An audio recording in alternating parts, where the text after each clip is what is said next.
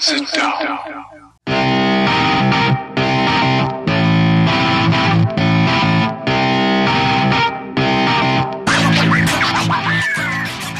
Witam wszystkich i każdego z osobna. Ja jestem Robert Kochan, a to jest Kochana NBA, najbardziej nieobiektywny podcast o najlepszej koszykarskiej lidze świata. To już 62 odcinek, a razem ze mną, jak zwykle, jest tutaj Wiaro. Siema Wiaro, co tam słychać u Ciebie w ten piąteczek? Siema Robert, cześć wszystkim. A, w porządeczku, wracam powoli do zdrowia, podobnie jak Nikola Jokic. E, powinienem być w pełni sił i gotowy do dzisiejszego pojedynku. Myślę, że Jokic też podobno ma zaraz wrócić, także e, łączę się z moim chłopakiem. Chcesz powiedzieć, że też masz kontuzję nadgarstka? nie, akurat nie nadgarstka, mnie po prostu przeziębienie dopadło, ale już chyba nawet po mnie nie słychać, więc bo jakiś to z nadgarstkiem e, ma problem, jeśli się nie mylę, więc skoro powiedziałeś, że, że tak jak on wracasz do zdrowia, to. E, słuchaj, bo mnie tak natchnęło ostatnio, no bo mamy 62 odcinek i zdałem sobie sprawę, że nieuchronnie zbliża się 69. I zacząłem się zastanawiać, czy hmm, może. Odcinek miłości. E, czy może można to e, w jakiś sposób ucelebrować? No i pomyślałem, że to jest taki idealny pretekst, żeby wszystko trochę wywrócić do góry nogami i oddać ten odcinek naszym słuchaczom w jakiś sposób i, no i po prostu poodpowiadać na ich pytania, wszystko to, co chcieliby od nas usłyszeć. E, więc to jest też taki dobry czas na to, żeby się do tego przygotować, więc e, dajcie nam znać, czy mielibyście mm, ochotę, żebyśmy poodpowiadali na Wasze pytania, czy nie, czy, czy chcielibyście, żebyśmy w jakiś sposób oddali Wam właśnie ten 69 odcinek. A my może spróbujemy Wam w jakiś sposób e, dać przedsmak tego, jak to mogłoby wyglądać, bo też jest e, do tego idealny pretekst.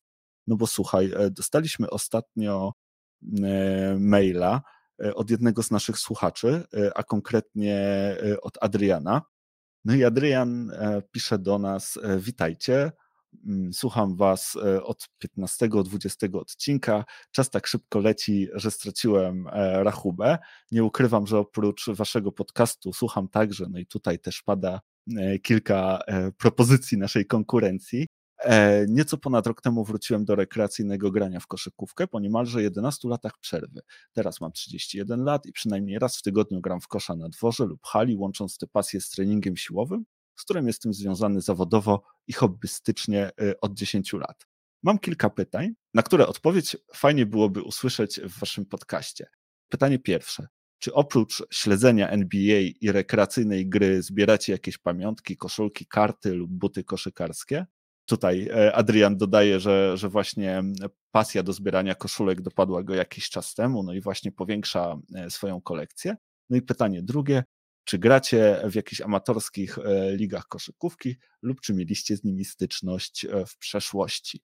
E, z góry dziękuję za odpowiedź. Pozdrawiam. No i my też pozdrawiamy Adrian i co? No i Wiaro, może zacznijmy od tego pierwszego pytania, tak? Czy oprócz właśnie śledzenia NBA i, i, tej gry rekreacyjnej zbierasz jakieś pamiąteczki, koszulki, karty lub buty koszykarskie? Ja chyba nie kojarzę, żebyś, żebyś coś zbierał z takich rzeczy, nie? No, słusznie nie kojarzysz, nie? Akurat y, zbieractwo koszykarskie mnie nigdy nie dopadło. Ja myślę, że to też wynika z tego względu, że ja akurat y, oryginalnie wychowywałem się w małym miasteczku. U nas y, raczej nie było takiego szaleństwa na osiedlu. Jak ktoś miał buty do kosza, to już było, to już było szaleństwo. Nie, nie miałem tak naprawdę nikogo z moich kolegów też, który by się gdzieś tam mm, na tyle interesował właśnie, żeby czy, czy miał dostęp do takich gadżetów. Mm, żeby, żeby w tamtych czasach to zbierać. E, no umówmy się, my też nie jesteśmy najmłodsi, ciut, ciut starsi jeszcze niż, niż Adrian, więc to moja młodość i twoja podobnie, no to są lata, przełom lat 80. i później lata 90. Także no, nie było jakiegoś szaleństwa u mnie w miasteczku, mm, jeżeli chodzi o takie rzeczy. Mm, jedyne, co bym mógł tutaj gdzieś z moich, powiedzmy, jakichś takich z zajawek wrzucić, to faktycznie no buty do kosza są, są fajną sprawą. Fakt, wprawdzie nie kolekcjonuję butów do kosza na takiej zasadzie, żebym miał jakieś e, chore ilości, ale zawsze mam jakieś swoje e, budki do kosza.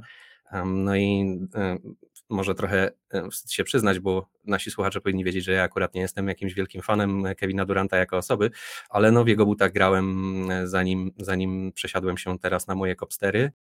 Teraz mam teraz Buty mam ze skóry węża? Tak, teraz buty mam buty ze skóry węża, dokładnie.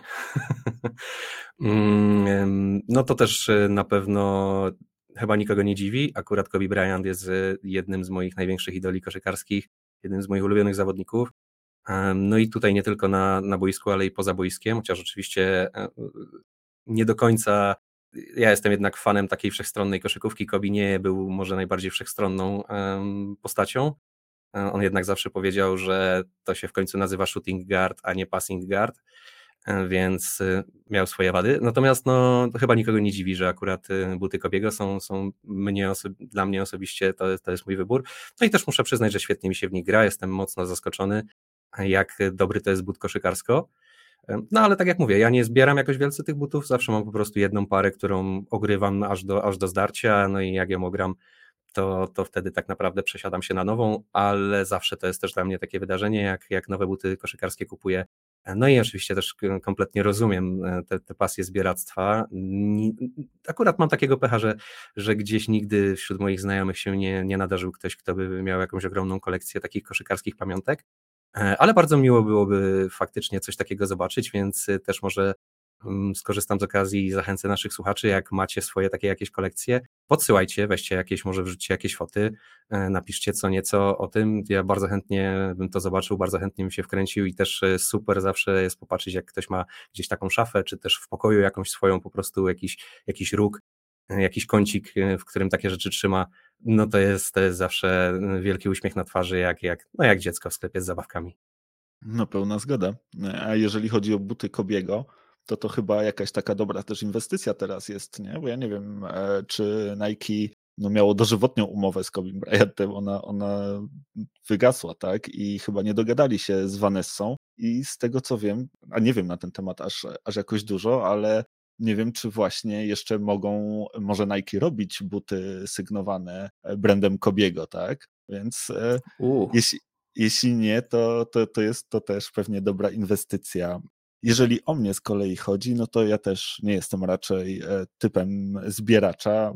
W ogóle nie, nie, nie kolekcjonuję w zasadzie rzeczy. Mam, mam kilka książek koszykarskich, głównie o Kobim, ale też, ale też na przykład o Lebronie. No i mam e, koszulkę Kałaja, nie meczową, ale, ale zawsze e, koszulkę z Kałajem. Właśnie w niej zwykle prowadzę podcast. Dzisiaj też e, mam ją na sobie ale myślałem na pewno o tym. Myślałem i zwłaszcza, że miałem do tego jakby bardzo wiele fajnych okazji, bo miałem to szczęście, że przez ostatnie lata no, wielu moich ulubionych zawodników grało w Clippersach, bo i Marcin Gortat przecież e, miał epizod e, i, i, i Rajon Rondo i Kałaj. Natomiast e, bycie fanem Clippers też nauczyło mnie, że nie powinienem za bardzo myśleć o przyszłości i, i ciężko tak, wiesz, inwestować w jakiegoś zawodnika, no bo e, zaraz się może okazać, że, że szybko zniknie. E, na pewno miałem też taki epizod ostatnio, że myślałem o e, kolekcjonowaniu czy zbieraniu NBA Top Shots. Też zastanawiałem się właśnie nad tym gdzieś tam w kontekście inwestycyjnym, bo nie wiem, czy, czy ty wiesz, czy, czy nasi słuchacze wiedzą, czym jest NBA Top Shot to jest coś na wzór e, zbierania kart do koszykówki, tyle że kolekcjonujesz jakby momenty, czy to, czy to jakieś super asysty, czy, czy najlepsze danki z historii i po prostu masz jakby certyfikat posiadania danego momentu, one są ograniczone ilościowo i tak dalej. E, niektóre z nich, e, jak nie wiem, powiedzmy, nie wiem, pierwsze, pierwsze punkty Lebrona osiągają jakieś tam bardzo, bardzo wysokie ceny, jakieś takie niezwykle rzadkie momenty, y, natomiast y, no, nie jest to tania sprawa. To nie są tanie rzeczy i stwierdziłem, że nie, że nie będę się w to wkręcał, e, no bo to jest troszkę też taki hazard, nie? Niby. No ja jestem szczerze mówiąc w ogóle zaskoczony całą tą ideą, nie wiedziałem, że coś takiego funkcjonuje. No, no wiesz, no to jest jak, jak Inwestowanie, no, mm, czy to jest giełda, czy to jest hazard, czy to, czy to są inne rzeczy, to wszystko wiąże się z ryzykiem.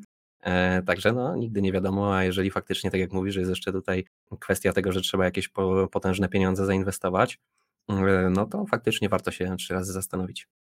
To są chyba takie troszkę karty naszych czasów, tylko, tylko dla bogaczy. Zresztą w ogóle te cała, nadchodzi chyba taka era tych e, cyfrowych certyfikatów posiadania, tak? I, i coraz więcej różnego rodzaju, czy to dzieł sztuki, czy tak dalej, będzie po prostu obecnych w formie cyfrowej i, i z przypisaną własnością do, do danej osoby. Ale przejdźmy może jeszcze do, szybko do tego drugiego pytania. Słuchaj, Wiaro, czy, czy gramy w jakichś amatorskich ligach koszykówki lub mieliśmy z nimi styczność w przeszłości i, i może znowu zaczniesz? Um, no, ja miałem bardzo drobną. Mm, faktycznie kilka tygodni mm, byłem zaangażowany w ligę w, u mnie w, lokalnie w moim miasteczku. To jest akurat e, południe Polski, no i tam taka powiedzmy mm, lokalna liga z okolicznych miast, gdzie, gdzie były amatorskie drużyny, no ale tak naprawdę na treningach się skończyło, nawet nie miałem okazji zagrać jednego meczu. A oprócz tego, no to, to absolutnie żadnego żadnej poważnej styczności z takim poukładanym sportem koszykarskim nie miałem. Nie miałem ja nie miałem. E, nie, nie miałem, nie trenowałem faktycznie z żadną drużyną, nie grałem w żadnej lidze tutaj amatorskiej w Krakowie. Mm, natomiast no można i mnie i ciebie, fakt, ostatnimi czasy już rzadko, ale można nas było spotkać i do dziś można nas spotkać na krakowskich boiskach. E, ja i, i Robert lubimy sobie wyskoczyć porzucać czy, czy, czy zagrać jakiś mecz. Natomiast tak jak mówię, no akurat z ligami amatorskimi moja styczność była bardzo wąska. No i wcześniej też jakoś e, ja przez okres szkoły byłem na tyle nieduży, że no, no, nie miałem nigdy większych szans na to, żeby załapać się do drużyn, czy to, czy to szkolnych, czy to później w AZS-ie. Natomiast y, na treningi gdzieś zawsze się próbowałem łapać i, i, i gdzieś jak, jak, miałem tylko okazję, mm, to chodziłem, no ale na treningach się w moim przypadku e, cała przygoda skończyła. No popatrz, e, ja miałem okazję dawno, dawno, dawno, dawno, dawno temu, nie wiem czy to się liczy, miałem, ale miałem bardzo dawno temu e, okazję pograć troszkę w reprezentacji mojej szkoły średniej w koszykówkę to było mniej więcej wtedy, jak nie wiem, liderem punktów w NBA był Bolesław Chrobry, tak dawno. Znam te czasy, pamiętam dobrze. Tak, nawet e, powiem ci, że w, e, jakby w ostatnich latach e, tej mojej szkolnej kariery nawet zostałem kapitanem tej drużyny, co bardzo źle świadczy o jej sile, no ale, ale coś tam, coś tam pograliśmy. Ja nigdy do żadnej ligi się zapisać nie, nie bardzo chciałem. Wolę raczej taką mm, grę z przyjaciółmi. E, może dlatego, że nie za bardzo umiem i lubię przegrywać, a jednak jak no w takich ligach możesz trafić na, na lepszych od siebie, zwłaszcza, że ja nigdy nie byłem jakiś taki super, super dobry, więc raczej tylko amatorsko wyskoczyć, pograć, porzucać. E, ale pamiętasz, były też takie czasy, że wynajmowaliśmy też halę e, w, w naście osób i, i spotykaliśmy się udawało nam się pograć mniej więcej troszkę regularnie. Natomiast no, ja od jakiegoś czasu jestem mocno ograniczony, bo miałem bardzo poważną kontuzję kolana e, i, związane z nią dwie operacje. Więc no, skaczę tak jak Jokic teraz, mniej więcej tyle się wybijam nad ziemię. No, ja zawsze tak skakałem, to, to ja zawsze miałem takie predyspozycje atletyczne właśnie do gry w koszykówkę. Um, no ale nie, no takiego regularnego grania tutaj w Krakowie, no to było bardzo dużo faktycznie i, na, i hale się wynajmowało przez lata i, i, i umawiało się gdzieś i ja miałem też bardzo często boisko pod nosem, gdzie bardzo lubiłem sobie wyskoczyć sam, zrobić sobie trening Także nie no, na pewno tutaj nie można powiedzieć, że, że ja i ty, koszykówka, no to na pewno ogromna część naszego życia. Natomiast nie taka super zorganizowana. No ja nie miałem, tak jak mówię, ja nie miałem nawet okazji pograć w reprezentacji mojej szkoły, e, ani w szkole średniej, ani później na studiach. E, no nie łapałem się absolutnie do, do drużyny. No, co nie zmienia faktu, że no, grać graliśmy całkiem sporo i ja i ty w kosza może nie jesteśmy jacyś wybitni, ale e, na boisku fajnie się bawimy i chyba to jest w tym wszystkim najważniejsze. Także tak, no tutaj my nie jesteśmy jakoś e, wielce mm, doświadczeni, jeżeli chodzi o taką poukładaną, zorganizowaną koszykówkę, e, natomiast no wielcy pasjonaci. Dobra, słuchaj, e, no to mm, dziękujemy raz jeszcze Adrian i przejdźmy teraz już e, do naszych klasycznych rozmów, tak? O tym, co ostatnio działo się w NBA. Wspominaliśmy o tym właśnie, że no, nie jesteśmy może jacyś tacy dobrzy w koszykówkę, więc e, zacznijmy od kogoś, kto też taki znowu dobry w koszykówkę nie jest, czyli od Sacramento, bo ostatnio Słuchaj, no zdecydowali się zwolnić e, w niedzielę swojego coacha, konkretnie Luka Waltona, po tym jak e, przegrał 7 z 8 ostatnich gier. Mm, no gość, który już trzeci sezon ich trenował, bardzo duże nadzieje były z nim związane. Młody trener, bardzo ambitny, ten, który gdzieś tam pierwsze możliwości pokazania się miał w Golden State Warriors, tak? Podczas tej kontuzji Steve'a Kera no właśnie liczyło Sacramento, że do tej młodej drużyny doda młodego trenera, że on nauczy ich fajnej, szybkiej e, gry w koszykówkę. Niezbyt e, to się udawało. On właśnie od 2019 roku e, jest związany z, z Sacramento. W tym sezonie niezbyt im idzie. 12 miejsce na zachodzie, 6-11. No i Lukowi Waltonowi też jakoś niekoniecznie dobrze szło przez, e, przez cały ten czas, kiedy prowadził drużynę Kings e, na 161 gier, które prowadził 68 wygrał, 93 przegrał. Mniej więcej 42% e, meczów wygrywał. Na Sacramento też, no właśnie, w tym momencie dziesiąta ofensywa, 27 defensywa ligi. Władze podjęły decyzję, że czas się rozstać e, z Lukiem Waltonem, no i na jego miejsce awansowano jego asystenta, niedawno zatrudnionego e, Alvina Gentry'ego, e, który przejął pałeczkę dowodzenia i, i, i przejął drużynę. E, co ciekawe, e, Alvin Gentry e, po raz czwarty przejmuje drużynę w trakcie sezonu, zostając awansowanym na głównego coacha i jest pod tym względem rekordzistą w całej historii NBA.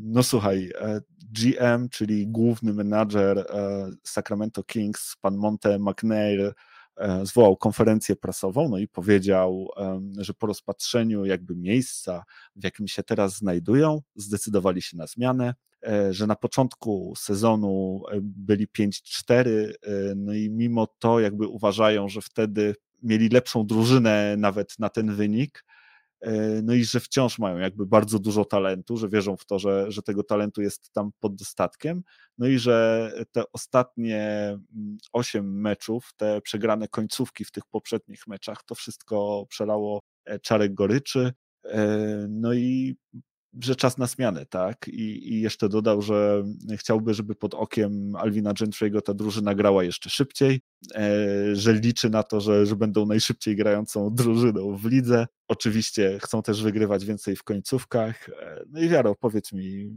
co ty w ogóle myślisz e, o tej całej sytuacji? Jak widzisz to zwolnienie Waltona? No, to jest moim zdaniem rzecz, która była oczywista już od dawna. W sensie Jakbyśmy się tak nad tym zastanowili, wrócili się trochę do takich jakby tutaj ogólnych założeń tego wszystkiego, no to zastanówmy się, kiedy ten Luke Walton tak naprawdę wygrywał i co on tak naprawdę pokazał w swojej karierze. No on miał tak, tak po prawdzie, to miał jeden moment, to ten moment, o którym wspomniałeś, kiedy faktycznie Steve Kerr był niedostępny dla Golden State Warriors, no i kiedy wygrał z nimi jakąś tam chorą liczbę meczy, nie pamiętam już ile to było, ale mm, no bardzo Warriors byli wtedy w supergazie i poszli po prostu jak, jak, jak burza przez przez konkurencję, wygrywali tam no, praktycznie wszystkie mecze.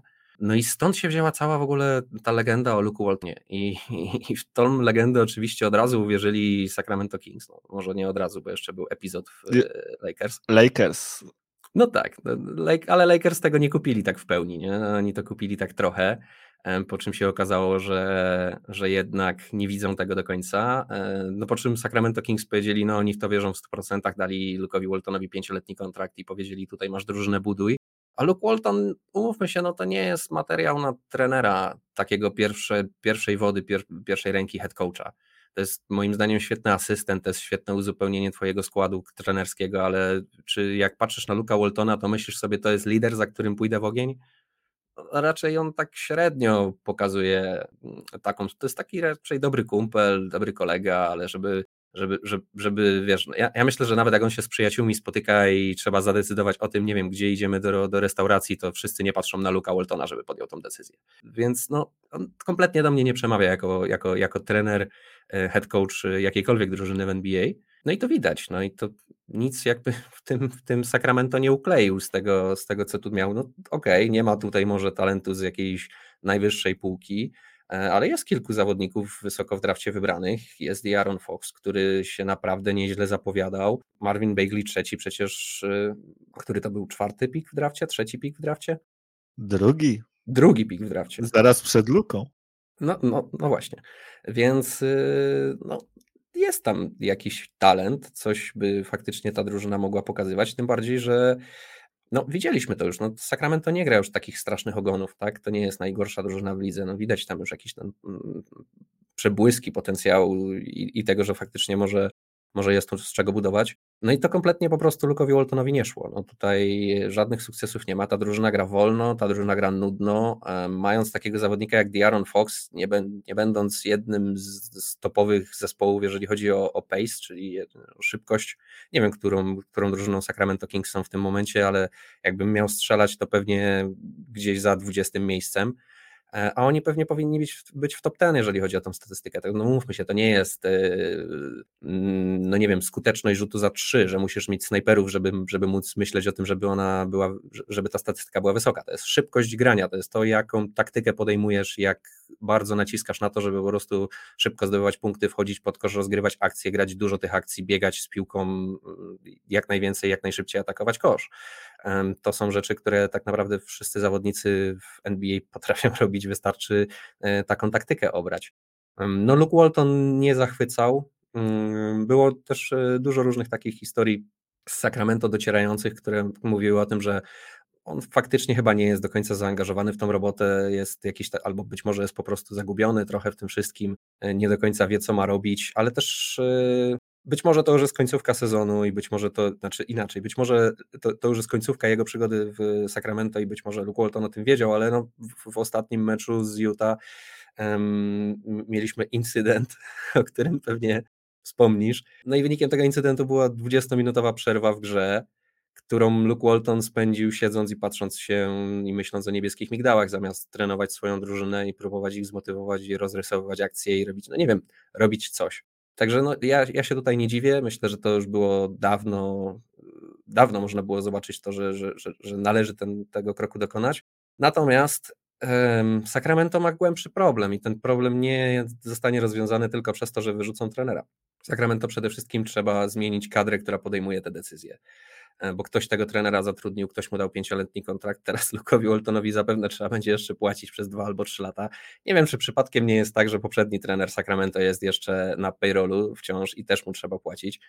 E, nie zdziwiłbym się, gdyby tak było, no to nie jest dobre zarządzanie czymkolwiek, tak? Podejmowanie takich głupich decyzji, takich pochopnych decyzji, oddawanie tak ważnej roli w, w ręce Luka Waltona bez żadnego zabezpieczania się, tylko od razu pięcioletni kontrakt, od razu masz to klucze, wszystko twoje, no to, to, to, to, się, to się mści. I, I to teraz widać. No i co? No i Sacramento zwolni kolejnego trenera. To już będzie pewnie z, nie wiem, 15 trener, którego oni mają w przeciągu ostatnich 10 czy 20 lat. To jest wieczna karuzela. Tym sposobem nic się tam nie wybuduje. Nie da się, nie da się zbudować czegoś w rok czasu w, z tego, co jest w Sacramento. To, to wymaga dłuższego planu, tylko musi być niestety odpowiednia osoba do tego, żeby ten plan wcielić w życie i zrealizować. No i musi to być dobry plan. Więc y, no to jakiś krok Sacramento podjęło słuszny, to jest krok o tyle, że no, naprawiają swój błąd sprzed kilku lat, czyli, czyli to, że w ogóle zaproponowali ten kontrakt Luke'owi Waltonowi. Tym bardziej, że ja nawet nie wiedziałem, że asystentem Luka Waltona jest Alvin Gentry. Jakbyś, od jakbyś niedawna. To... A, od niedawna. Myślałem, że to już jakaś, jakaś starsza sprawa, bo jak, jak dla mnie, no to to jest jasne, że to Alvin Gentry powinien być head coachem, a Luke Walton jego asystentem, a nie na odwrót. No ale cóż, y, tak jak mówię, no naprawiają gdzieś tam swoje błędy. No, no to jest konieczny krok, nie jest to dobry krok. Zobaczymy co dalej. No, tam, jest, tam, tam się naprawdę nie, nieciekawie dzieje w tym Sacramento. Wydaje mi się, że nie będziemy mieli tutaj za dużo pociechy z tego klubu przez następne lata. Stary, no mogę powiedzieć tylko tyle, że mam wrażenie, jakbyś skserował sobie moje notatki bo w zasadzie powiedziałeś wszystko to, o czym ja gdzieś tam też myślałem e, w tym kontekście. Podobnie jak ty, e, rozumiem zwolnienie Luka Waltona, tak? Też nie uważam, żeby był jakimś tam szczególnie dobrym trenerem, w którego warto inwestować, ale nie rozumiem tego, że tak nagle w środku sezonu, właśnie bez wizji i bez totalnie żadnego planu. I Sacramento jest znane z tego, że oni właśnie bez planu działają tam już gdzieś tam od osoby właściciela. Mm, natomiast no, ja absolutnie nie rozumiem tego, czemu nie zrobili tego w lecie, co się zmieniło od lata, czy naprawdę wierzyli w to, że Luke Walton będzie w stanie, nie wiem, tę drużynę e, zabrać do playoffów. Nie wiem, ja wcale nie uważam, żeby ta drużyna była jakaś szczególnie dobra. Zresztą obawiam się, że ten brak ciągłości właśnie również odbije się na grze drużyny i, nowy coach przyjdzie, prawdopodobnie przyjdzie też jeszcze inny, bo, no bo oni oczywiście działali bez planu, więc nie mają e, nikogo wymyślonego, awansowali na, na to stanowisko Alvina Gentry'ego, ale podejrzewam, że Alvin Gentry zaraz straci pracę, bo Kings podobno już gdzieś tam rozglądają się po rynku. Słyszałem pojawiające się nazwisko Kennego Atkinsona jako, jakiego, jako takiego fajnego e, kandydata dla tej drużyny. Zresztą wydaje mi się, że, że no, pasowałby do tego młodego e, i też defensywnie usposobionego e, składu Sacramento. E, ty wspominałeś o ilości tych trenerów. Ja mam tutaj jakby dokładnie zapisane, że Alvin Gentry jest jedenastym trenerem od czasu, kiedy odszedł od zespołu Rick Adelman, czyli od 2006 roku. Sacramento 11 trenerów miało.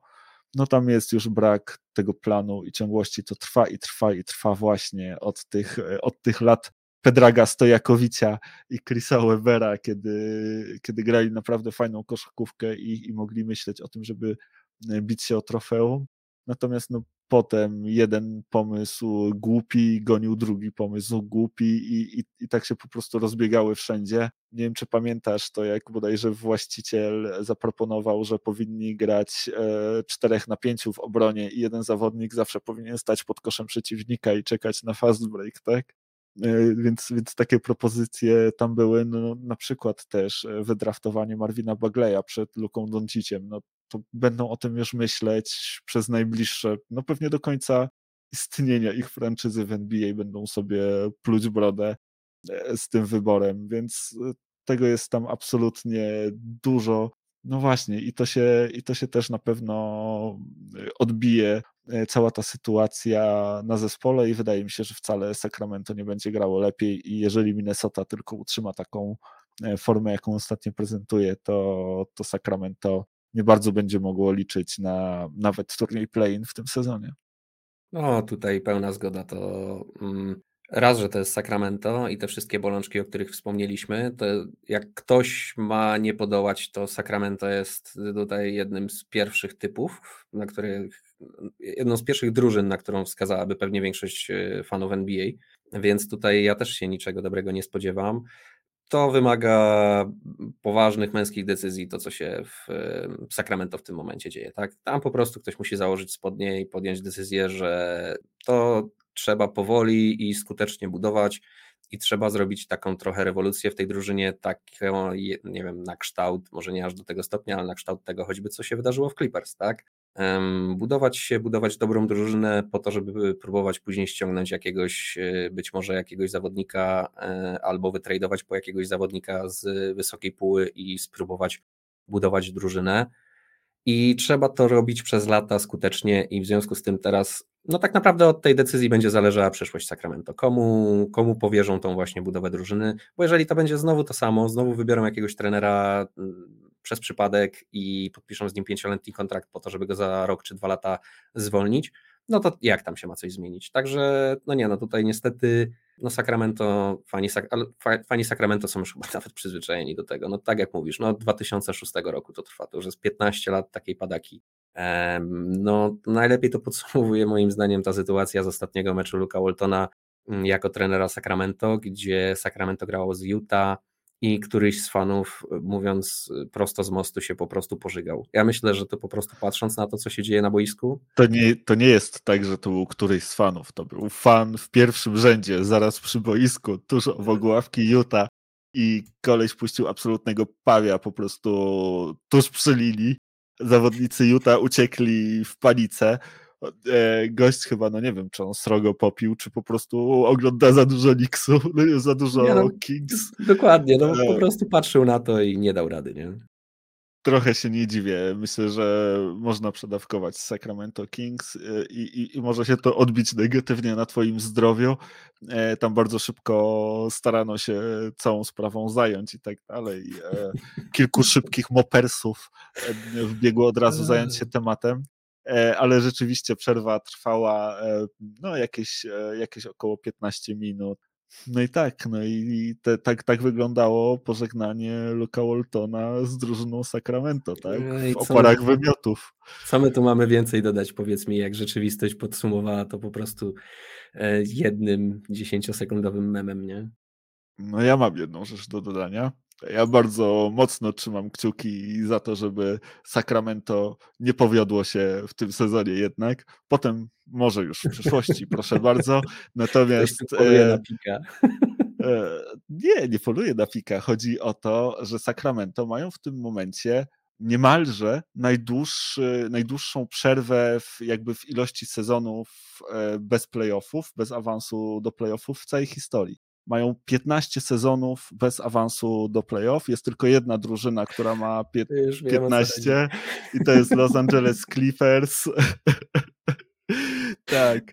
E, od 76 do 91 roku Clippers nie awansowali do playoff, więc jeżeli teraz Sacramento Kings nie awansują do playoff, wskazują na, skakują na czoło tej listy, jeżeli gdzieś się będzie pojawiała informacja właśnie o tym najdłuższym striku, to będzie, będzie mówione o nich, a to będzie kolejna rzecz z przeszłości zakopana u nas i kolejna, której powiemy papa, więc bardzo mocno trzymam za to kciuki. Przepraszam wszystkich fanów Kings, e, ale dla tej jednej rzeczy mi przynajmniej na tym zależy, więc ja akurat cieszę się z tego zamieszania. Mam nadzieję, że e, nowy trener tutaj, czy teraz Alvin Gentry, czy jeśli przyjdzie ktoś inny, to tutaj nie wprowadzi jakichś takich e, zbyt dużych ulepszeń trzymam też kciuki pewnie e, za Minnesota, bo jak, jako tego głównego e, konkurenta do, do tego miejsca, pewnie dziesiątego.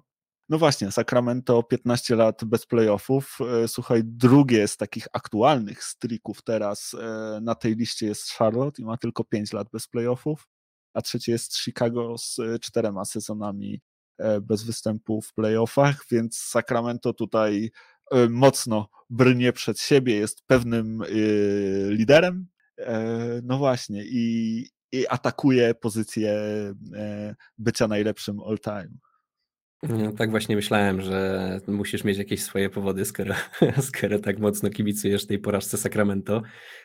Zazwyczaj nie kibicujesz niczyjej porażce, może poza Lakers.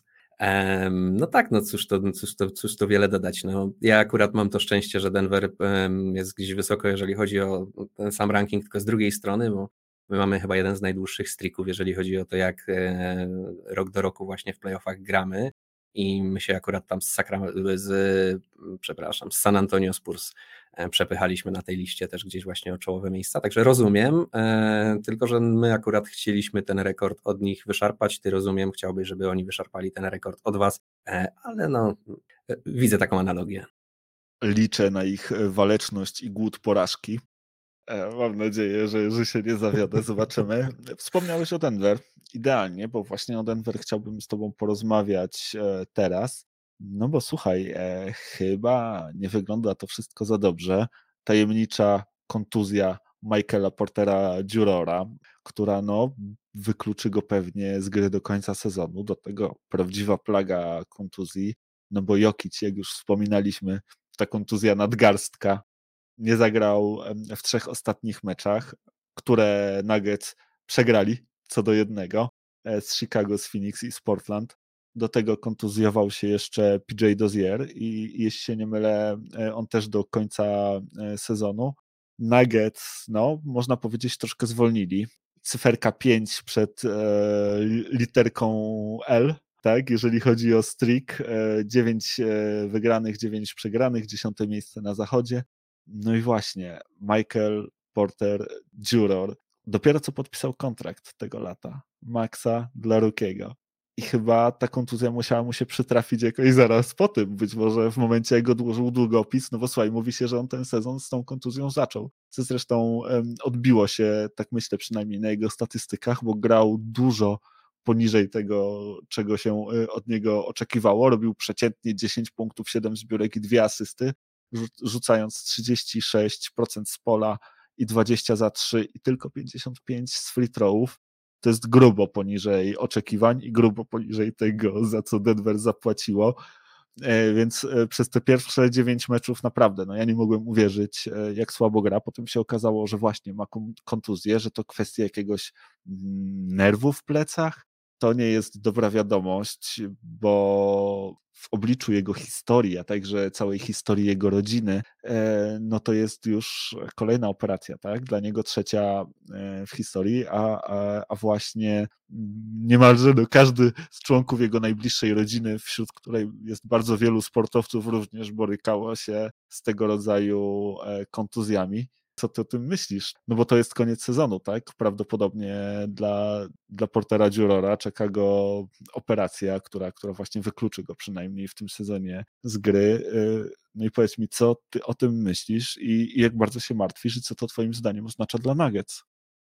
Dobra, bo tutaj jest dużo rzeczy do rozpakowania, więc może po kolei. Zacznę od tego, o czym wspomniałeś, że no L5 wzięliśmy w tym miesiącu i w kawałku poprzedniego chyba, w końcówce tego miesiąca. Tak czy inaczej, no nie ma się co dziwić. Drużyna pozbawiona swoich trzech najlepszych zawodników, plus jeszcze przetrzebiony tak naprawdę, tak jak mówisz, no choćby PJ Dozier, który no wbrew pozorom grał u nas minuty. No jakby z tym składem, który został, Mike'owi Malone'owi udało się e, jeszcze coś wygrać, no to, to już by był ogromny szacunek naprawdę dla tego gościa no ten wirus kontuzji dopada każdego, z tym nic nie zrobisz, no można tylko rozłożyć ręce i się smucić. Natomiast y, drugą osobną kwestią jest Michael Porter Juror. No i tutaj zaczyna się robić interesująco. No bo oczywiście można przyjąć założenia, że Michael Porter y, jest szczery w tym, w swoim podejściu do tego wszystkiego i y, no po prostu ma pecha i w momencie, kiedy faktycznie podpisał kontrakt, odezwała się kontuzja pleców, no i jeszcze, tak jak mówisz, okazuje się, że może to być poważna kontuzja, i, bo tutaj nie jest jeszcze pewne, że będzie faktycznie potrzebna operacja, ale no, mówi się o tym, że, że może się to tak skończyć. Na razie jest to wciąż tajemnicza kontuzja, o której nie do końca wiemy tak naprawdę co i jak. No, ale to jest wszystko przy założeniach, że tutaj nie mamy do czynienia z żadnymi machlojkami, tak? Natomiast jest też poradnik Johna Walla o tym, jak dorobić się w NBA. Książka cała napisana. Tak. Przez... Ona nie jest e, jakaś super grupa. E, no, ma kilka prostych zasad w zasadzie. W zasadzie najważniejszy jest pierwszy rozdział, tak? W tej książce. Pierwszy rozdział po angielsku nazywa się Secure the Bag, czyli zabezpiecz torbę. Jaką torbę ktoś zapyta? No torbę z kasą. To jest najważniejsza rzecz. Pierwszy rozdział, pierwszy punkt, pierwsza rzecz, którą należy zrobić, jeżeli chcesz mieć fajną, długą i, i, i, i przyjemną karierę w NBA, to jest podpisać ogromny kontrakt. No, Michael Porter Juror widać ten rozdział przeczytał od deski do deski i tutaj bardzo mocno wziął sobie do serca wszystkie rady, które tam były. No i jak, jak przeczytał, jak mu powiedziano, tak zrobił, podpisał ogromny kontrakt. No, rozdział drugi to jest po prostu enjoy your life. Wybierz sobie miejsce na wakacje, gdzie chciałbyś się tak. rehabilitować, czy, czy to Bahama, czy, czy Karaiby, no właśnie. No i teraz zaczynają się tajemnicze kontuzje. No i pytanie, czy ta kontuzja przypadkiem nie pojawiła się, tak jak mówisz tutaj, w momencie podpisania kontraktu? Bo ja myślę, że to mogło być tak, że go coś strzyknęło w plecach. Pewnie później e, wieczorem mogło go dorobić e, podczas wygibasów na parkiecie, też go mogło coś strzyknąć tu i tam. No i teraz go boli bardzo mocno, dzwoni pewnie o 13 spóźniony na treningu, mówi trenerze, bo jak mnie wczoraj szczykło, to ja po prostu nie mogę. No i tego się trochę boję, że Michael Porter może nie być do końca szczery w tych swoich wszystkich rzeczach i tego, że no okradł nas po prostu ze 150 baniek czy 160 baniek. No i teraz będziemy mieli właśnie taką sytuację, której się najbardziej bałem w jego przypadku. Ja nie wiem, czy tam nie ma 170 plus bonusy. No, być może nawet jest tak. Pewnie jeszcze z opcją przedłużenia o rok, nie? Także no, zobaczymy. Ja jestem mm, przede wszystkim przerażony tym, jak właśnie wygląda cała, cała ta kariera Michaela Portera Dziurora po podpisaniu kontraktu, bo to po prostu jest masakra. Podpisał kontrakt, zagrał parę meczy, grał totalny piach, po czym zaczęły go boleć plecy i nagle się okazuje, że być może pójdzie pod nóż i nie będzie grał najbliższy sezon. E, a, a kto wie tak naprawdę kiedy wróci, jak wróci i, i, i w jakiej będzie formie i czy będzie się nadawał do grania i tak dalej, i tak dalej, i tak dalej. Więc mnóstwo czerwonych flagi pytajników i, i no i tak jak mówię, no timing jest po prostu komiczny tego wszystkiego. To aż się wierzyć nie chce, że to tak wygląda, dlatego no ja się boję najgorszego, ja podejrzewam, że tutaj może być bardzo srogo. E, no i najbardziej boli mnie to, że to będzie 150 czy 170 baniek uwięzione po prostu w e, grajku, który siedzi na ławie i nie będzie można zamiast niego nic sprowadzić, nie, nie będzie można zamiast niego po prostu mieć czegoś, co, co da ci jakąś wartość na boisku, podczas gdzie tak naprawdę masz Jokicia i Mureja i niewiele brakuje, żeby jak ta drużyna jest w pełni sił, żeby, żeby no, przeskoczyć ten, wskoczyć na ten najwyższy możliwy poziom, tak? I, i, i spróbować wygrać całość. No ale czy, czy, czy Michael Porter Jr. jest tym brakującym ogniwem? No jakbym miał e, oceniać po tym, co się stało po podpisaniu kontraktu, no to absolutnie nie. No na całe szczęście jest jeszcze ten, ten, ten krótki okres jego kariery przed podpisaniem tego kontraktu, kiedy grał naprawdę świetnie i wydawało się, że mm, nic mu jakby nie dolega, zdrowie, zdrowie dopisuje. Więc być może jednak ta tajemnicza kontuzja pleców to będzie tak jak te tajemnicze kontuzje kostki e, Stefa Kerego. No to jest optymistyczne podejście i tak pewnie mm, patrzą na to fani Denver, którzy mają trochę więcej zaufania. Ja do Dziurora zaufania nie mam, jak dobrze wiesz. Ja myślę, że to jest ktoś, kto bardzo dobrze czyta podręczniki Johna Walla i obawiam się, że może skończyć tak samo jak i on. No powiem ci, że e, John Wall na pewno tym swoim bestsellerem tak zainspirował wielu w NBA. Michael Porter Jr. może być też bardzo podatny na taki wpływ, bo to też jest taki typ zawodnika, który nie stroni od różnego rodzaju klubów i uciek życia, więc myślę, że, mm, że, że jest to możliwe, że po prostu dokładnie przestudiował ten podręcznik, e, tak, jak, e, jak zarobić i się nie narobić, zrób to sam, e, jak przeczytał, tak, tak mógł zrobić. No, nie wykluczam tego, tak że właśnie wygląda. planuje że właśnie planuje sobie wakacje. E, zobaczymy, czy, czy w jego ślad e, pójdą inni. Mm, no ale jeśli tak się rzeczywiście stało, no to tak jak mówisz, no trochę was okradł, bo to miała być wasza trzecia opcja w ataku. To miał być ten brakujący PiS. To jest ten zawodnik, który wydaje się idealnie powinien pasować do tej układanki. Gość wysoki, potrafiący e, rzucać e, z dystansu, który fajnie pasuje e, w kompozycji z Jokiciem. Kiedy Murray miał wrócić, to oni mieli się przeobrazić tę wielką trójkę Nuggets, która będzie parła do, do mistrzostwa pewnie w przyszłości, no bo przyszłość gdzieś tam przed wami. No właśnie, tymczasem ta przyszłość może być zagrożona. Może się okazać, że będzie nad wami E, wisiało to piętno tego ogromnego kontraktu. Zobaczymy, e, czy, czy Dziuror wróci do zdrowia. Oczywiście jak najbardziej mu tego życzę, no ale niepokoi mnie, że to jest takie tajemnicze, że, że ci lekarze nie potrafią e, dobrze tego określić, tak, i zdiagnozować tego właściwie, a przynajmniej tak słyszałem. No, nie są to moim zdaniem dobre wiadomości, zwłaszcza w tym kontekście, przy tej historii, tak, i przy tym, czego też E, jeżeli chodzi o Michaela e, Jurora się obawialiśmy. Ja też się muszę przyznać, że, że Michael Porter Juror jest e, jedynym chyba powodem, dla którego kiedykolwiek zwątpiłem w Jerego Westa, który jest doradcą również w Clippers. No i właśnie mieliśmy spokojnie szansę podnieść go, zamiast niego wzięto Jeroma Robinsona nigdy tego gdzieś tam Jeremu, to jest jedyna rzecz, której mu nigdy nie wybaczyłem. A tu może się okazać, że pewnie będę musiał go przeprosić i mówić ja mnie godny, ja mnie godny, e, no bo może się okazać, że, że logo e, znowu miał rację.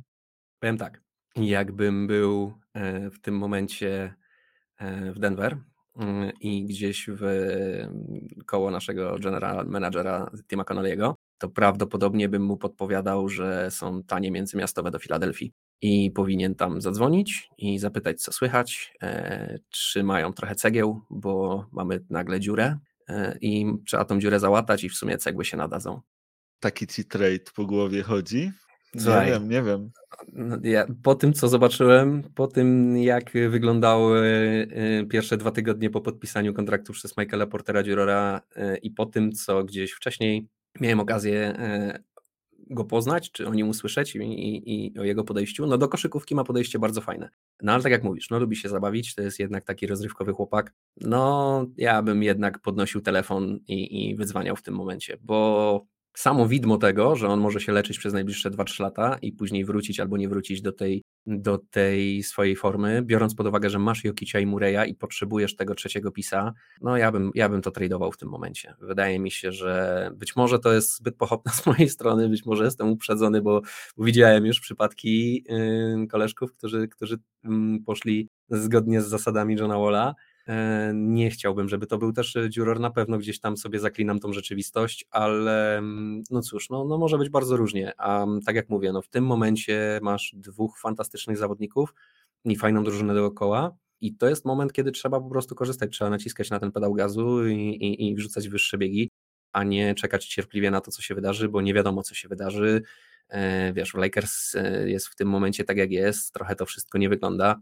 Być może będą potrzebowali wzmocnień, e, a, a wiesz, jak, wiesz co ja śpiewam zawsze, kiedy mówimy o, o, o dobrych talentach w, w młodych, dobrych talentach w Denver, tak? California Dreaming, nie? No, czyli co, lepszy ryc niż nic, tak? Wytradować Jurora i, i sprowadzić coś w jego miejsce. I no, próbować wygrać ci... mistrza, póki można nie ma lojalności wśród fanów Nuggets. nie, nie, nie, nie, nie dla takich wybryków. Nie, nie, nie, nie dla kogoś, kto podpisuje kontrakt i od razu od, od samego złożenia podpisu na kontrakcie zaczynają go plecy boleć. No dla mnie to jest wszystko podejrzane i zbyt no strasznego ma gość pecha, jeżeli to po prostu jest, jeżeli to po prostu jest pech, no to wygląda to wizualnie, jak się stoi z zewnątrz, po prostu fatalnie dla niego. E, także no cóż, mam nadzieję, że jest pełny motywacji do tego, żeby udowodnić wszystkim takim niedowiarkom jak ja, jak bardzo się mylą i że jednak będzie tą trzecią opcją. E, no i że pokaże też Jeremu Westowi, że nawet wielki logo popełnia błędy. No co, y, sytuacja z Porterem Jurorem jest rzeczywiście kuriozalna troszkę. Zobaczymy. Jeżeli chodzi o Nuggets, to wydaje mi się, że jak tylko tam Jokic wróci, to ta drużyna znowu wróci też do wygrywania. E, może nie tak, że będą wygrywać cały czas, ale jednak będą wygrywać więcej niż przegrywać i będą na pewno w tym top 6 zachodu. Tak, tak, tak czuję po prostu. No idzie z takim talentem w tym momencie, tak gra, że nie, nie da się inaczej. A ta drużyna wokół niego jest naprawdę mądrze zrobiona, e, mądrze zbudowana, fajnie prowadzona przez trenera Malona, więc e, spokojnie wydaje mi się, że, że sam Jokic jest, jest w stanie tę drużynę doprowadzić do playoffów, a jak wróci Murray, no to powinno być tylko lepiej, zwłaszcza, zwłaszcza do tych playoffów, e, żeby miał szansę się też troszkę rozpędzić, no bo wiadomo, że, że powrót po kontuzji nie jest łatwy. No z Dziurorem zobaczymy, zobaczymy jak to będzie. To jest najbardziej, to mnie najbardziej martwi, że to się może odbić na waszej przyszłości e, i to tak bardzo i no to by było słabe. Ale zostawmy może Nuggets i słuchaj, przejdźmy jeszcze na chwilę do wspomnianych przez ciebie też Lakers, bo, bo, bo znowu akurat bardzo fajnie e, o nich wspomniałeś bo tym ostatnim tematem, na który chciałbym z Tobą porozmawiać, jest e, powrót króla, tak? Władca czterech pierścieni wrócił przynajmniej na jeden moment, bo, bo już w drugim meczu dostał wykluczenie. E, wrócił w zasadzie na ring, tak? Niczym e, Don King.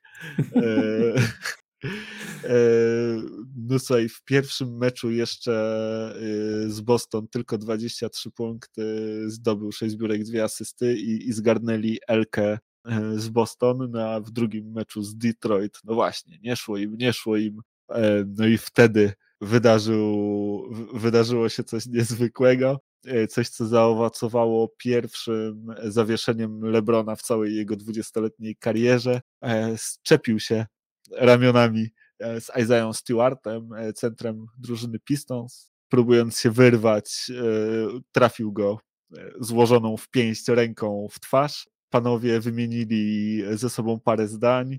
LeBron raczej, wydaje mi się przynajmniej, tak, tak, tak wyglądał, starał się gdzieś tam też uspokajać tę sytuację. No właśnie, kiedy Isaiah Stewart e, poczuł, że krew spływa po jego twarzy po tym uderzeniu, e, wpadł w absolutny szał i wyglądało, że rozniesie tam po prostu pół parkietu. Zachowywał się jak najlepsi zawodnicy NFL przełamujący linię obrony i, i po prostu uciekający przed kolejnymi, którzy próbują ich złapać. E, nie udało mu się w końcu dotrzeć do tych, e, do których chciał. Chyba tam na Westbrooka polował, bo Westbrook też e, wyglądało jakieś takie dziwne pozycje jakby gardy przyjmował. Niezwykła sytuacja. No, nie przypominam sobie nawet, żebym miał kiedyś okazję oglądać Lebrona w takiej sytuacji. No ale właśnie, skończyło się tak, że dla Lebrona zawieszenie jednego meczu, zaraz w zasadzie po tym powrocie, e, no a Isaiah Stewart dostał dwa mecze zawieszenia kary, on jeszcze tam gdzieś w tym tunelu próbował biegać, no wpadł w absolutnego rage'a i, i, i szukał e, zwady, że tak powiem. E, powiedz mi, no ty widziałeś na pewno tą sytuację, co ty w ogóle o tym wszystkim myślisz? A powiem ci, że widziałeś to mało powiedziane. No, oglądałem tą sytuację ze wszystkich możliwych nagrań, które można było znaleźć gdzieś w internetach, jakichś e, z telefonów nagrywanych i innych takich. No tak jak mówisz, no wielka drama, więc e, zawsze się, zawsze się wtedy dzieją rzeczy, zawsze wtedy warto się przyjrzeć, e, o co to tak naprawdę przy tym wszystkim chodzi. Może na wstępie taka tutaj moja mała nagroda zwycięzca w ogóle całej tej sytuacji, to jest moim zdaniem Russell Westbrook właśnie. nie wiem, co Russell tam chciał zrobić.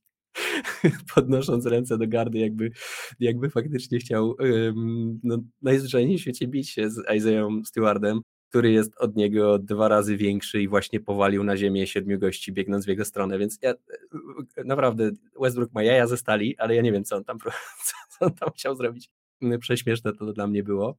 Natomiast tak, no cała sytuacja no, specyficzna, no, tak jak mówisz. Panowie walczyli o zbiórkę przy, przy e, rzucie osobistym. No i mocno byli gdzieś tam ramię w ramię ze sobą związani. No i LeBron James ewidentnie chciał się urwać, no i chciał się urwać e, najzwyczajniej w świecie, e, robiąc to, co Shaq nazywał Black Tornado, kiedy odwracał się mocno wokół własnej osi z, z, z złożonym łokciem, zrywając ręce przeciwnika z siebie. No tylko pech chciał, że LeBron nie trafił w ręce, a trafił Isaiah Stewarda w e, twarz. No i tak jak mówisz, no chłopu puściły nerwy strasznie, co w ogóle też trochę komiczne, bo panowie na początku stanęli y, naprzeciwko siebie bardzo blisko i wymienili parę zdań. E, no LeBron chyba od razu wydawał się, że wydawało się, że zdał sobie sprawę z tego, że zrobił coś, czego nie chciał zrobić, a przynajmniej nie do końca, bo ja na pewno, na pewno chciał się mocno uwolnić tutaj i tak jak wspomniałeś, y, pewnie y, przesłać też jakąś wiadomość do Isaiah Thomasa, że no nie będziesz sobie tutaj pozwalał ze mną. Też trzeba wziąć pod uwagę, że Isaiah, Boże, Isaiah Stewarda Isaiah Stewart 20-latek, tak, więc no LeBron praktycznie dwa razy jego senior, um, więc na pewno chciał mu tutaj ten, po weterańsku gdzieś tam łokcia pod żebra sprzedać, żeby, żeby e, uspokoić wielkoluda trochę e, w tych walkach. No nie spodziewał się, że trafi go w twarz, trafił go w twarz, no i tak jak mówisz, Isaiah Stewart zalał się krwią, trafił, bardzo dobrze trafił LeBron, tak, tutaj jak ktoś by, ktoś by chciał w stronę ocenienia tego pod kątem MMA pójść, to myślę, że tak dość wysokie noty by tutaj LeBron zebrał, no solidnie bardzo go trafił, tak jak mówisz, gdzieś tutaj włók brwiowy polała się ostro krew, no i strasznie puściły mu nerwy, Pewne, na początku jeszcze wydawało się, że cała sytuacja gdzieś tam rozejdzie się po kościach być może, no ale później zaczął się właśnie Isaiah Stewart rzucać, przepychać przez kolegów, gdzieś tam mówić, że już jest spokojny, po czym zrywać się nagle do sprintu. No po czym jak go faktycznie wyproszono, no to pobiegł tunelem i, i, i, faktycznie komentatorzy bali się, że wybiegnie drugą stroną tego tunelu, od drugiej strony po prostu boiska mm, i wbiegnie i będzie szukał gdzieś sprawiedliwości. Mm, no marny popis ze strony mm, Isaiah Stewarda na pewno. Ja osobiście myślę, że tutaj dość słusznie liga ukarała obu zawodników. Wprawdzie LeBron się bardzo mocno obraził na, na ligę, bo bo przecież on nie chciał, on, on, nie ma takich, e, no to nie jest, to ja się zgadzam z tym, że LeBron nigdy wcześniej czegoś takiego nie zrobił i na pewno nie miał intencji, żeby po prostu przygrzmocić chłopa pięścią w twarz, to na 100%. E, natomiast no, nie da się ukryć, że to zrobił, no i w związku z tym, że to zrobił, należy mu się kara. Mm, myślę, że ten jeden mecz zawieszenia to jest bardziej każdy inny zawodnik, który dostałby ten jeden mecz zawieszenia, to byśmy o tym nie mówili, ale ponieważ to jest LeBron James, no to, no to podniosły się jakieś wielkie wielkie tutaj krzyki z tym związane, no bo przecież LeBron nigdy nie był zawieszony, raz chyba, drugie jego zawieszenie dopiero, pierwsze jego zawieszenie, a drugi raz wyleciał z meczu, jakoś tak. W każdym razie LeBron nie ma absolutnie w swojej historii takich zachowań, e, więc tutaj bardzo się wszyscy obruszyli na to, że liga go e, ukarała, bo przecież e, to było, nie było tam intencji z, ze strony LeBrona, no były, nie były, przygrzmocił chłopów twarz i za to konsekwencje powinny być. Jakby to zrobił Nikola Jokic, jakby to zrobił, nie wiem, Aaron Gordon czy, czy, czy Paul George, to prawdopodobnie tak by się to skończyło i byśmy stwierdzili, no tak, no przygrzmocił chłopów twarz, dostał mecz zawieszenia i idziemy dalej, tak? No ale z racji tego, że LeBron James tutaj był w to wszystko zamieszany, no to oczywiście cała sprawa jest dużo większa niż była. No i też trzeba przyznać, że to jak e, Isaiah Stewart zaognił całą tą sytuację też na pewno miało na to wpływ, no bo jak już zaczął biegać i rzucać się po prostu trochę jak dzikie zwierzę, no to liga stwierdziła, że no nie, no na to sobie nie możemy pozwolić. To jest jakby nie, to są jakby nie było mecze, które są puszczane w telewizji publicznej i musi być ostry przekaz, który po prostu takie rzeczy ukróca, bo tu już nawet nie chodzi o to, że ludzie mają z tego pożywkę na Twitterze, bo przecież to się fajnie ogląda, bla, bla, bla i tak dalej. No jasne, jest, będziemy mieć zadymę, przez trzy dni będziemy o tym mówić, czy przez tydzień będziemy mieć pożywkę, z tego wszyscy e, będziemy sobie, będziemy sobie w internetach oglądać, ale nie do końca pewnie tak samo patrzą na to, nie wiem, sponsorzy, czy telewizje, czy inni, inni, którzy tak naprawdę są mocno zaangażowani w finansowanie NBA, więc NBA też bardzo mocno zależy na tym, żeby jednak no być, że tak powiem, ligą czystą, tam nie ma miejsca na żadne takie rzeczy, tam się kulturalnie gra, walka jest na boisku, a nie poza nim i, nie, nie, i bić to się można, ale w koszykarski sposób po prostu pomiędzy, pomiędzy sobą. I liga tak do tego podchodzi, Stąd takie kary, moim zdaniem, słuszne. Ja to rozumiem. Mamy, jakby nie było 2021 rok, liga jest innym produktem niż była 20 lat temu czy 30 lat temu. Nie powinni sobie na coś takiego pozwalać, e, więc jak dla mnie wszystko cacy. Mm, no a cała, cała sytuacja, no, tak jak mówisz, no wręcz kuriozalna. No, nie widzieliśmy nigdy czegoś takiego. Nie było wcześniej żadnego tego typu wybryku Lebrona. Owszem, ludzie się do niego rzucali, on się czasem do kogoś rzucał, ale no nigdy nie było tak, żeby żeby była krew i nigdy nie było tak, żeby, żeby ktoś gonił za nim po prostu i przedzierał się przez e, siedmiu czy ośmiu asystent e, coachów, którzy próbowali go trzymać. Nie? E, także dobrze, że to był tylko taki teatr. Wydaje mi się, że ani Isaiah Stewart, ani LeBron James, nie, ani nawet Russell Westbrook do niczego więcej by jednak się nie posunęli. Mm, aczkolwiek no, trochę za dużo tego teatru jak na publiczną telewizję i, i NBA. To takie rzeczy to jednak no, no nie dziś.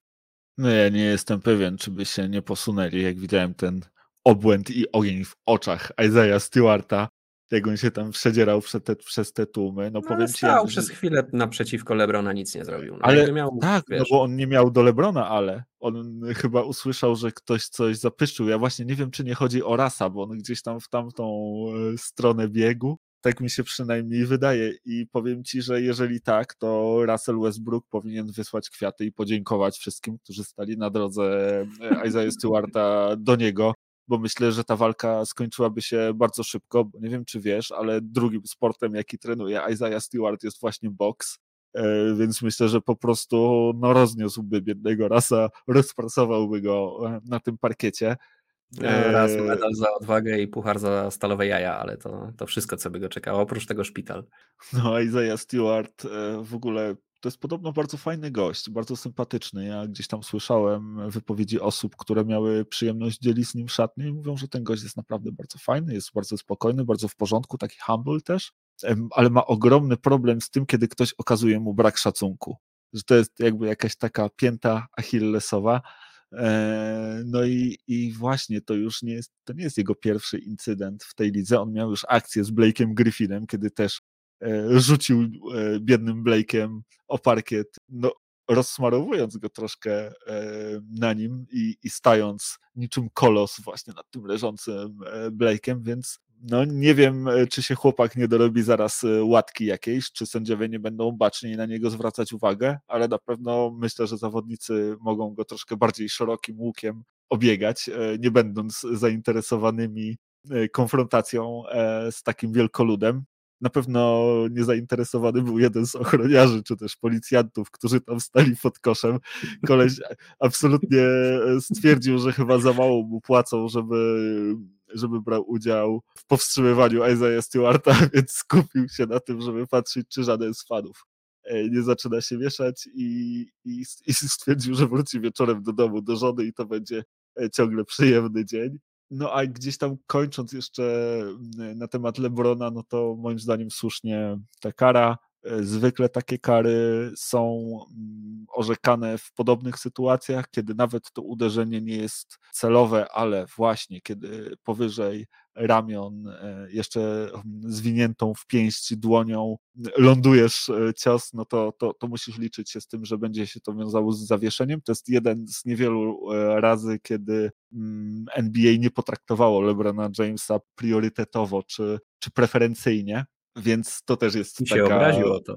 Tak, od, od, od, razu się obraził, natomiast bardzo szybko się zrewanżował, no bo po tym e, meczu, kiedy go nie było, kiedy przegrali e, z New York Knicks w Madison Square Garden, wrócił na spotkanie z Indianą, e, rzucił 39 punktów, w tym kilka ważnych trójek w samej końcówce, takich dagerów, więc fantastyczny w ogóle mecz zagrał, był super liderem całej drużyny, no i przy okazji wyrzucił dwójkę fanów z meczu, którzy e, w jakiś sposób chyba, nie wiem, obrażali go, w każdym razie zgłosił to sędziemu, sędzia zgłosił to ochroniarzom, no i para młodych osób została wyrzucona e, w samej końcówce z meczu właśnie przez LeBrona Jamesa, więc się zrewanżował i, i nie tylko on został wyrzucony, ale też miał okazję wyrzucić.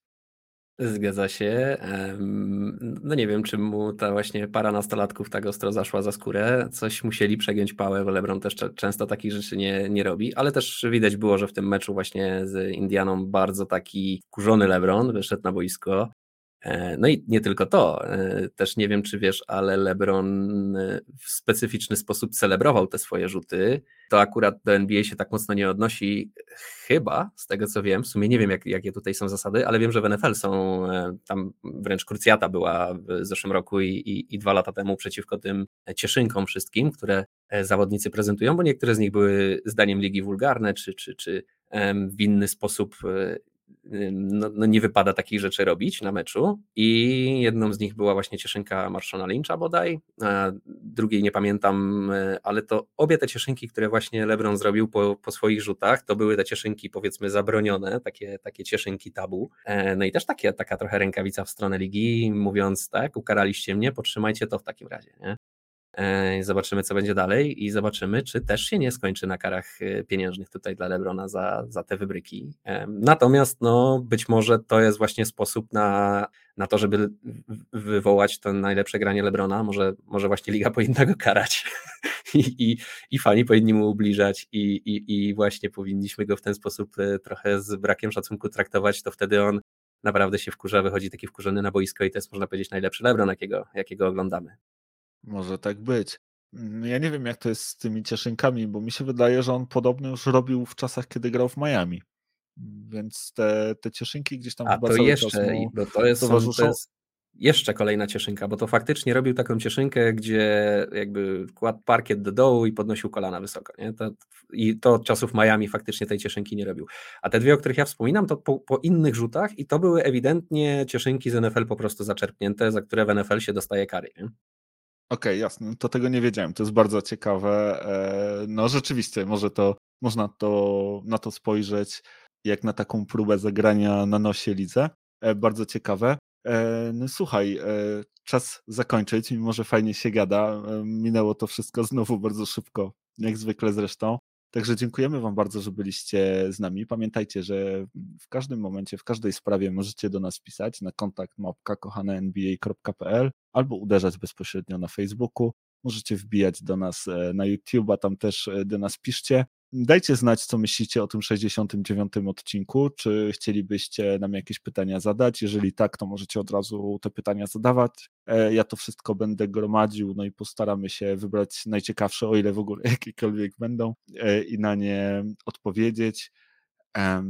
No i co? No i zapraszamy Was na kolejny 63 odcinek, który za tydzień, odrobinę wcześniej, bo będziemy go chyba nagrywać w czwartek.